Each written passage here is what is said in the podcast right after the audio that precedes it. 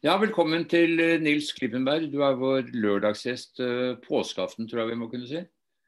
Eh, og da gratulerer jeg deg med valget i KNS, Norges største seilforening. Tusen takk. tusen takk. Det var da den 24. Mai, mars. Mm.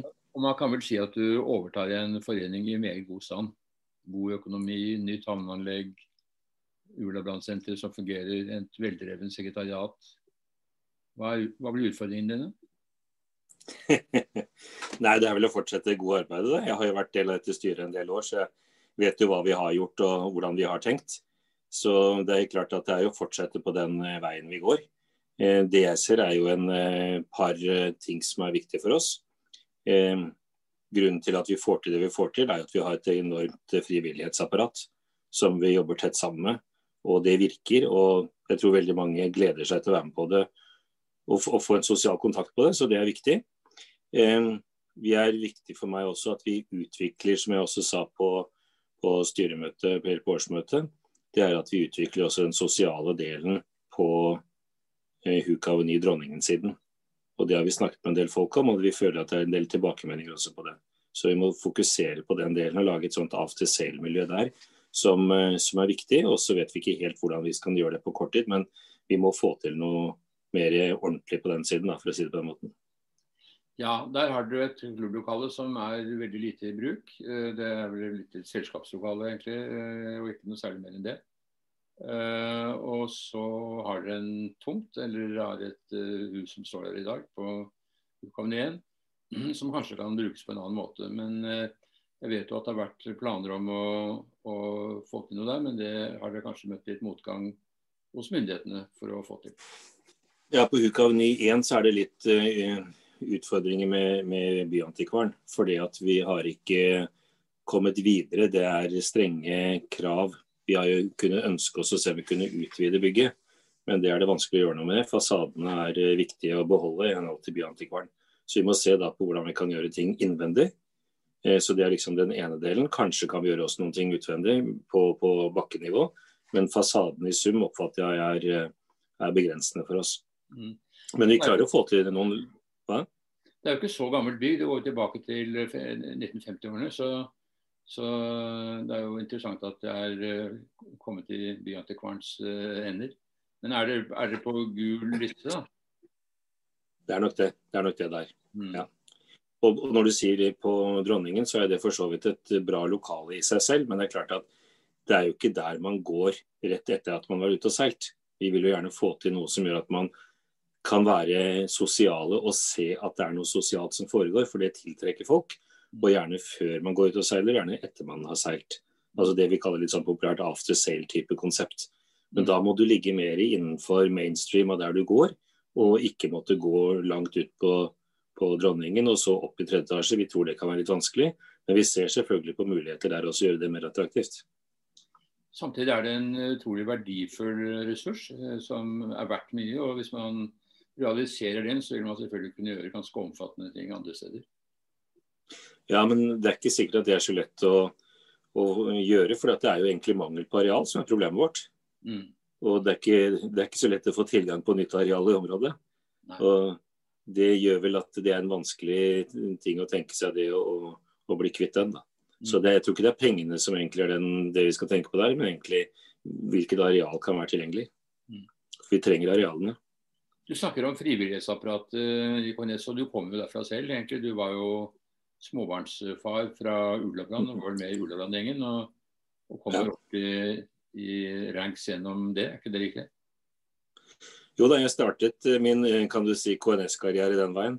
Eh, vi kom hjem fra Amerika i år 2000, og da var min eldste sønn eh, syv år. Så da begynte vi med han der, og det ble innertier. Og så gikk det jo da slag i slag, og tre barn som har vært på Ulavran. Og så blir det jo sånn at man da ser at her kunne man bidra litt. Hyggelig miljø, står i vaffelkiosken først og selger vafler og blir kjent med folk. Og så begynner man å ta tak i ting. Og så endte jo det da med at jeg ble leder for Ulavran-komiteen etter hvert. Og gjorde det vel fra 2007 til 2011, tenker jeg, hvis jeg ikke husker helt feil. Eh, og derigjennom så var det jo snakk om byggeprosjektet. Og jeg er vel laget av en sånn måte at jeg liker å få litt action. Så da tok jeg over det. Og fikk egentlig det i gang. Og har kjørt det gjennom hele byggeprosjektet. da.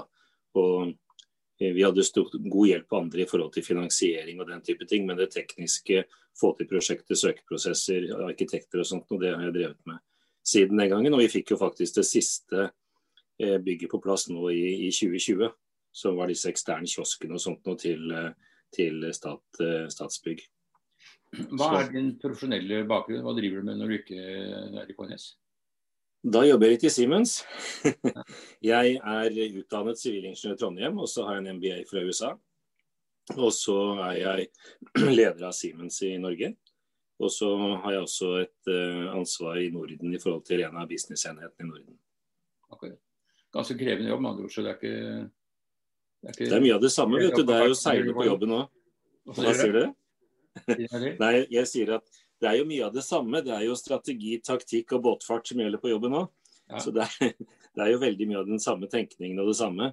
Men vi har jo et veldig godt team, da, så vi, vi jobber godt sammen. og Det er mye strategisk jobbing. Ja.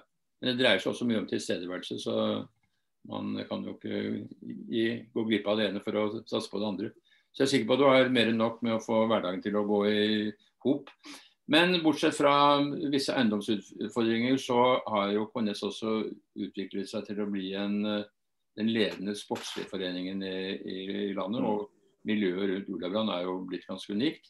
Og vi ser at det er veldig mange seilere som kommer fra andre foreninger til KNS. Det er vel delvis fordi at det er bedre støtteordninger, men det er vel kanskje først og fremst fordi at treningsmulighetene i KNS er veldig gode med et godt trenerapparat og et godt miljø på Ullabrand og en fin regattabane utenfor. Jeg, jeg, velger å tro at det er mye det, og ikke bare at vi har økonomiske muskler. Eh, det vi gjorde da når vi begynte i 2007, var faktisk å ha en ganske stor verdidiskusjon innad i Ullabrand, og også vis-à-vis styret. Og den gikk jo på, gitt at vi har mål om å bygge OL-kandidater og etter hvert ha medaljer, hvordan gjør vi det? Det var et viktig spørsmål. Og da er det på mange måter, Skal du da være bare den økonomiske attraktive spilleren, eller skal du faktisk bygge fra scratch og bygge opp emner? Og når vi da landet på at det var den beste måten å gjøre det på, så skjønte vi også hva vi da måtte tenke på. For da må vi bygge bredde og topp samtidig. Vi kan ikke bygge bare den ene delen. altså Vi kan ikke bare fokusere på, på topp, for da, da lykkes vi ikke. Vi må tenke bredde. Og Det betyr at vi tenker mye mer sosialt. og Kanskje det var litt spisse albuer før det, som vi har prøvd å ta bort, slik at eh, de folkene og de frivillige vi har, tenker på helheten og teamet, og ikke bare på enkeltspillerne. Eh, men også eh, at vi tenkte på trenerapparatet.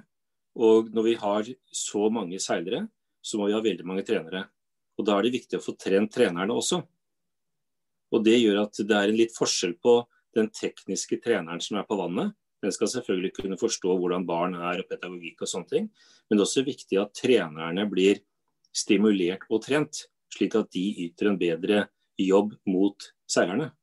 Mm. Og det var den, hele den verdikjeden der vi tenkte gjennom og gjorde en del endringer på, som gjør at vi jeg tror har vært liksom, basisen for, for, det vi nå ser. Mm. Jeg, jeg, tar ofte det opp når jeg snakker med ledere av seilforeninger, og det er et evig tilbakevendende problem det er at seiling er veldig dyrt. Og eh, det betyr at inntil du er på et lag som, hvor du kan få økonomisk støtte, så er det foreldrene som må bære kostnadene. Eh, og Det betyr at eh, terskelen er ganske høy, og det er ikke alle som klarer å komme inn i det miljøet. Um, har dere noen tanker om hvordan dere skal kunne gjøre det lettere? Ja, det vi ser nå er jo altså Det er den trenden ved at man betaler for bruk i stedet for å eie. Så Det gjør jo at vi tenker litt poolbåtorientering, sånn som vi ser på J70 osv. Mm. Og vi kan sikkert utvide det andre steder. Men det er jo viktig som du sier, at man har en lav inngangsterskel. Ja. Og Det har man også prøvd å gjøre gjennom at man kan låne båter og den type ting. Forskjellige modeller som kan være i bruk der. Ja. Men vi ser jo det at eh, i en periode, hvis du er en aktiv jolleseiler, Eh, så krever det selvfølgelig noe fra, fra foreldrene å bidra både med tid og noe kostnader. Men mm. jeg er ikke så sikker på om dette er den dyreste sporten. Jeg tror f.eks. slalåm og sånne ting er betydelig mer kostbart. Men eh, jeg tenker også at eh, dette, med, dette, med, tjenester blir viktig fremover. Derfor har vi også fokusert på det i strategiplanen vår. Hvordan mm. vi kan tilby mer tjenester, og da egentlig pay per use da, som, som begrep. Ja. ja. eh, jeg tror det er veldig riktig. og jeg ser jo det, det, Dette J70-konseptet det er jo slått an i mange foreninger. Eh, og det, det, sikter jo egentlig mest mot å holde ungdommen i seiling. At de ikke gir opp når de er ferdig med rollene, og så kommer de tilbake når de er familie ja. skal eh, ha en svær turbåt. Men det å holde de gående i regattamiljø fra de er 16-17 til de er ja, 20-25 år, uten at det koster så veldig mye, det har man oppnådd tror jeg, på mange måter med J70-konseptet. Mm. Det virker som det fungerer ja. veldig bra. Og ja. når du snakker med folk fra foreninger rundt omkring, så er alle enige om at det, det fungerer veldig bra. Skal du seile 29-er eller 49-er eller uh, laser eller finneholde, så, så, er det kanskje litt mer krevende. Og da, eh, da snakker man jo ikke bare om å kjøpe båten, for det er klart at det det er en utgift som kanskje eh, er litt stor, men, men man tror kanskje ikke så mange båter. Men det som jo koster også mye, det er all reisingen. Mm, uh, og uh, det kan man kanskje gjøre noe med, særlig et miljø som KNS, som har så godt tilbud på trenere som, som man har. Da er det kanskje ikke nødvendig å reise på treningsleir til Dubai om vinteren eller til uh, Barcelona vinterferien eller noe sånt. Og, og kanskje også begrense reisinger innenfor Norge. Altså Disse norgescupregattaene er jo veldig fine. Men det er klart at det er kjempekostbart å skulle reise da uh, Viken rundt omkring til Bergen og Stavanger og Bodø og Molde og sånn for å seile uh, norgescup. Um, det kunne man kanskje kuttet litt ned på. Altså, du er jo inne på noen ting ikke sant, i forhold til å seile mer hjemme. Og Det er ikke noe tvil om at man kunne klare å få til mer av det, og kanskje også mer i Skandinavia, i Norden, da kan du si i, på vinterhalvåret. Eh, kanskje covid har lært oss noe om det, og at vi kan gjøre det på en bedre måte fremover. Men det som vi liksom står overfor, i hvert fall pre-covid, det er jo at noen har lyst til å reise ut, og noen har lyst til å være et annet sted. Og det blir på mange måter at man drar seg i retning av camper og sånt noe vinterstid andre steder, som mm. da koster penger. Mm. Og så er man jo opptatt av å få en viss konkurransenivå, også når man eh, er på toppnivå. Og Det taler jo også for at man er nødt til å reise noe ute. Så jeg tror at det er litt vanskelig å tro at vi bare skal seile i, i Norge fremover. Men det er klart at vi kan jo, hvis alle sammen går sammen om å ta et løft på dette, så er det mulig å få til mer og flere gode regattaer i, i, Norge. Mm. Som da vil begrense reisevirksomheten. Ja, så Jeg tror ikke man eh, skal være så naiv og tro at man kan bli verdensmester ved å selge bare i Norge. Eh, men, men, det er klart at det er jo også spørsmål når man begynner med det. Skal 13-åringer seile VM i optimistholdet på Thailand f.eks.? Er, det, er det bærekraftig? Uh, Nei, det er jo ikke det. Nei, ikke sant. Skal man ja. heller ikke nekte folk å, å, å seile utenlands hvis de vil? Det har vært mye snakk om disse, disse uh, påskeseilasene på Gardasjøen bl.a., som er veldig populære. Og noen velger å gjøre det som sin påskesatsing fremfor å reise på hytta til fjells. Og jeg har full sans for det, at det er et hyggelig familiearrangement, og mange gjør det. Så det er, det er ikke noe enstydig svar på alle disse tingene, eller på noen av de tingene. Men noe kan man gjøre ved å være bevisst, tror jeg. Støtte, støtte seilingen i nærmiljøet. Uh, og begrense uh, reising til et uh, minimum. Det er også covid-situasjonen lært oss, at eh, vi kan faktisk eh, gjøre ganske mye på hjemmebane. Ja. Men jeg, jeg, tror vi har den holdningen at vi ønsker å få til mer i nærmiljøet. Ja. Men vi kan ikke hindre, som du sier, at det vil alltid være noen som har lyst til å være med på det VM i Thailand, som du sier. Mm. Kvalifiserer seg til det osv. Og, mm. og det er jo sånn at barn ser opp til de som er flinke og vil det andre, og så får du sannsynligvis noe masing hjemme og være med på sånne ting også. Mm. Så det er ikke helt lett å få det til, men det er klart at hvis man har felles holdning på det, så vil det hjelpe. Ja, det tror jeg er en riktig konklusjon.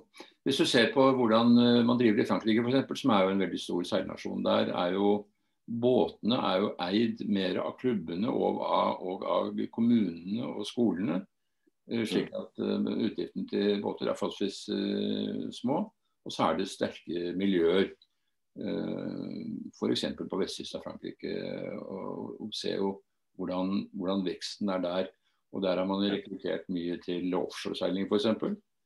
Um, men også mye, mye gode jobbeseilere.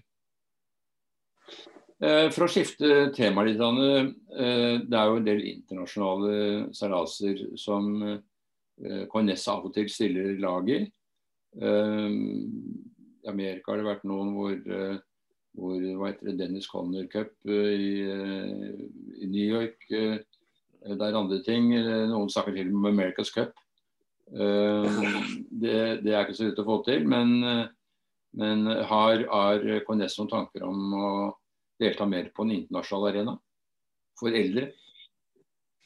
Jeg, jeg, vi snakker om det, og, eh, men det krever jo veldig mye finansiering, sånn som du sier. Mm. Og spørsmålet er hvem som klarer den type finansiering. Eh, det at vår klubb skal kunne klare å finansiere opp det, kan være vanskelig. Ja. Eh, det betyr at man må være avhengig av sponsorer for de og de arrangementene, eller at folk betaler for det selv. Og mange ja. av disse er ganske dyre arrangementer. Men eksempelvis, da, sånn som vi ser på denne America's eh, Cup i junior, om man vil youth, ja. så er det interessant med det laget som nå er der, og se om vi også kan ha den type lag i, i KNS-regi fremover. Det bør ikke være det samme, men liksom anskueliggjøre som eksempel at det kan være aktuelt. Nettopp for å tiltrekke oss eh, seilere som ikke bare skal seile OL. For det, det skjer en del spennende seiling utenfor OL-aksen også, sånn som dette er et eksempel på. Og her er det jo veldig mye utvikling og mye teknologiutvikling som gjør at det kan være spennende og kanskje bli nye formater som man skal være med på. Ja, Det er nettopp det. Det er veldig viktig å se at det skjer mange ting utenom uh, OL. Og, uh, og, sånn som uh, han Kristian Ringstad, eller Alexander Ringstad, som er fra Sandefjord, men, og hans venner har fått til, det er jo veldig spennende. Koster en del penger, og noen har klart å, å få det til. Men det åpner også opp for eh, ja, du har Sail GP, som er også 50 fots uh, katamaraner, som er si, på America's Cup-nivå. Uh, så har ja. du America's Cup, som uh, jo noen arbeider ganske bra for å få til. Og ja. som alle skjønner er veldig krevende, men som kanskje mm. havnasjonen Norge burde få til. Fordi at America's Cup er ikke bare seiling, men det er også teknologi. Det ser sikkert du som er leder av Siemens, at uh, det er veldig mange ting der som, uh, som knytter seiling til næringsliv. Mm. Og, og, særlig Norge, da, som har ambisjoner om å være en havnasjon. Så selv om prisen er ganske høy, så burde man kanskje se på det som en plattform for å vise frem Norge, og for å utvikle foilteknologi f.eks. og andre, ting som, som, faktisk kommer landet til gode gjennom, gjennom andre kanaler. Prinsipielt så deler jeg det du sier. Jeg, jeg skjønner jo det godt. Og, og, jeg tror jeg gjerne ville vært med på en sånn tenkning. Men spørsmålet er hvordan vi klarer å få til et så stort sett av penger for å få det til. Men hadde det vært mulig, så hadde det vært eh, helt glimrende for landet, sånn som du sier. Og jeg er helt sikker på at eh, mange teknologibedrifter i Norge ville kunne dra nytte av det.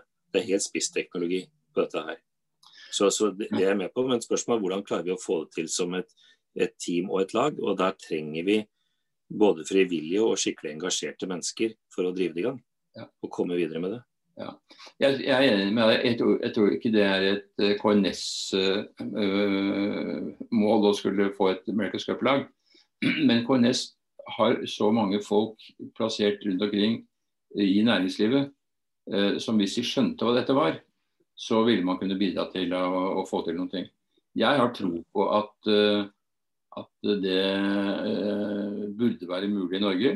Jeg intervjuet en annen eh, kar i dag morges, eh, Johan Brann, som står bak Kahoot, i dag en 60 milliarder kroners bedrift. Um, og han ser jo veldig klart sammenhengen med å bygge opp teknologi rundt havnasjonen Norge og et America's Så jeg tenker mer på å få et lag av folk som drar litt i samme retning og som kan være engasjert for å få til noe sånt. Som hadde vært enestående for norsk seilsport. Eh, det hadde vært fantastisk for norsk teknologi, tror jeg også. Eh, vi ser at eh, foiler blir mer og mer gjeldende for mindre, mindre kommersielle fartøy. Ferger og, og kortdistanseskip. Og, og kanskje om ikke så lenge så vil de fleste fritidsbåtene med motor være på foiler. Nei, altså det, jeg, jeg, vil være gjerne med, være med på en sånn diskusjon. Det er ikke noe tvil om.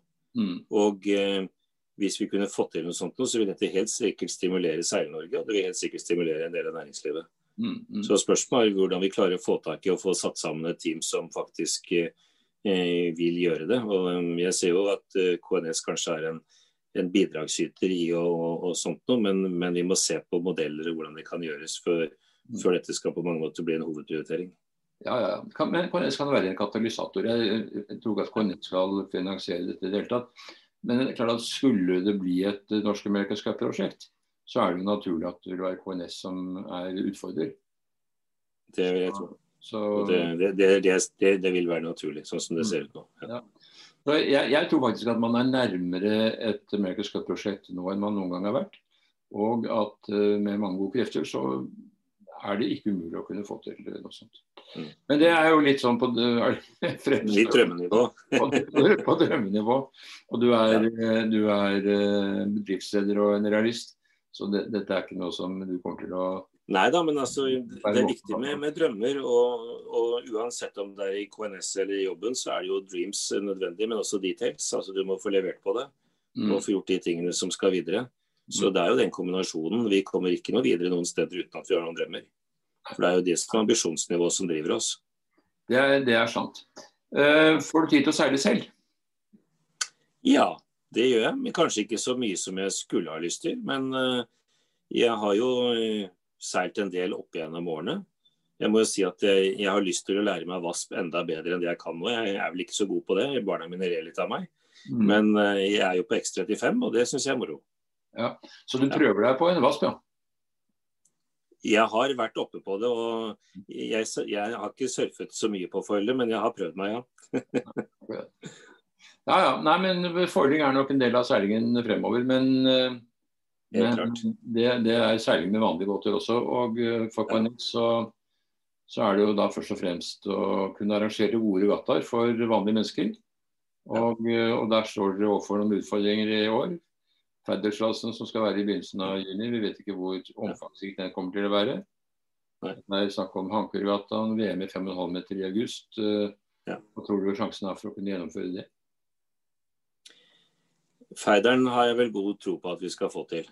Og så må vi se litt på de andre tingene. Men er, jeg, jeg, håper i hvert fall at vi klarer å få til, få til Feideren og, og Reisvik. Og så får vi se på de andre regattaene hva som er mulig å få til. For det, der kreves det også mye lengre tidshorisonter ved at eh, folk skal komme fra andre kontinenter.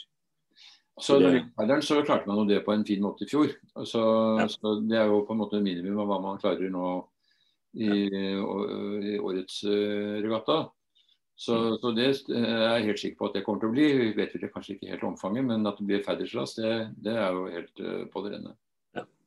Og Der blir det jo litt ny teknologi, da, fordi det blir jo en del overføring via kameraer om bord. Og man skal mm. til en publikumsseilas også. Så, så, det er et, et fint uh, kan du si, prøveprosjekt. Eller ikke prøve, men for det, man er kommet over det. Men, men et, et, prosjekt som kan vise frem mye av seilingen. Jeg tror på det fremover, at vi må gjøre det mer attraktivt for de som ikke seiler. altså det som ser på. Mm. Og Trikset er vel sånn som du sier, få det mer publikumsvennlig.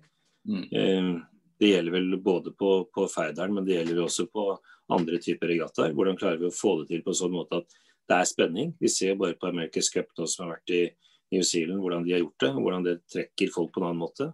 Men det krever jo en del eh, kan du si, instrumentering og, og eh, eh ting oppå TV-skjermen og på bildene som gjør at man klarer å følge med på en bedre måte. Mm. Og spenningen din hele tiden er egentlig saken. Akkurat. Um, rent finansielt så står KNS sterkt nå med gode inntekter um, på, på, medlemmer på havnen. Vært litt mindre på regattaer i, uh, 2020. Og heller ikke forventet så store inntekter i det året som, som vi er inne i. Men allikevel er foreningsøkonomi veldig god. Um, er det noen områder hvor dere kommer til å være mer ekspansive for å gjøre, bruke de pengene på et vis. Eh, Har du noen tanker om det? Ja, Ikke nødvendigvis å bruke opp pengene, men det vi tenker er jo at vi må ha en solid økonomi for å drive med de aktivitetene vi har lyst til å drive på med. Mm. Og Det er ikke noe tvil om at det å tenke mer på hvordan kan vi utvikle seilmiljøet og, og jollemiljøet på Ullabrand, alt rundt det å få enda flere inn i seiling, er viktig. Mm. Jeg tenker også i forhold til eh, kanskje øke poolbåtflåten etter hvert. Mm. Eh, for å få mer aktivitet rundt det, for det er denne trenden som vi snakker om.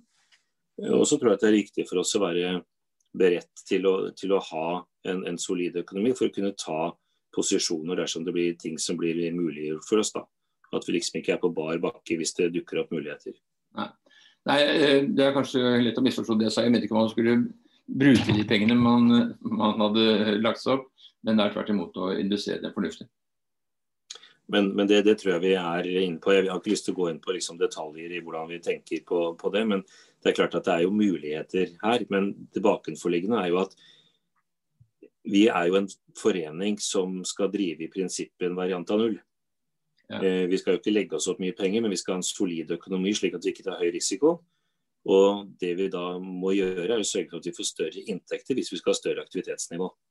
Det er en ganske enkel ligning. Ja. Så, så eh, i den grad vi da skal få en, et større aktivitetsnivå, så må vi altså sørge for at vi får enda bedre inntekter enn det vi har nå. Og så har det da, sånn som du sa, når du, når du så regnskapet, så så du også at vi har hatt noe lavere inntekt i år som følge av covid enn en, en vanlig. Mm. Men også har utgiftene vært da noe mindre, ikke sant. Så, så det har blitt eh, balansert litt på den måten.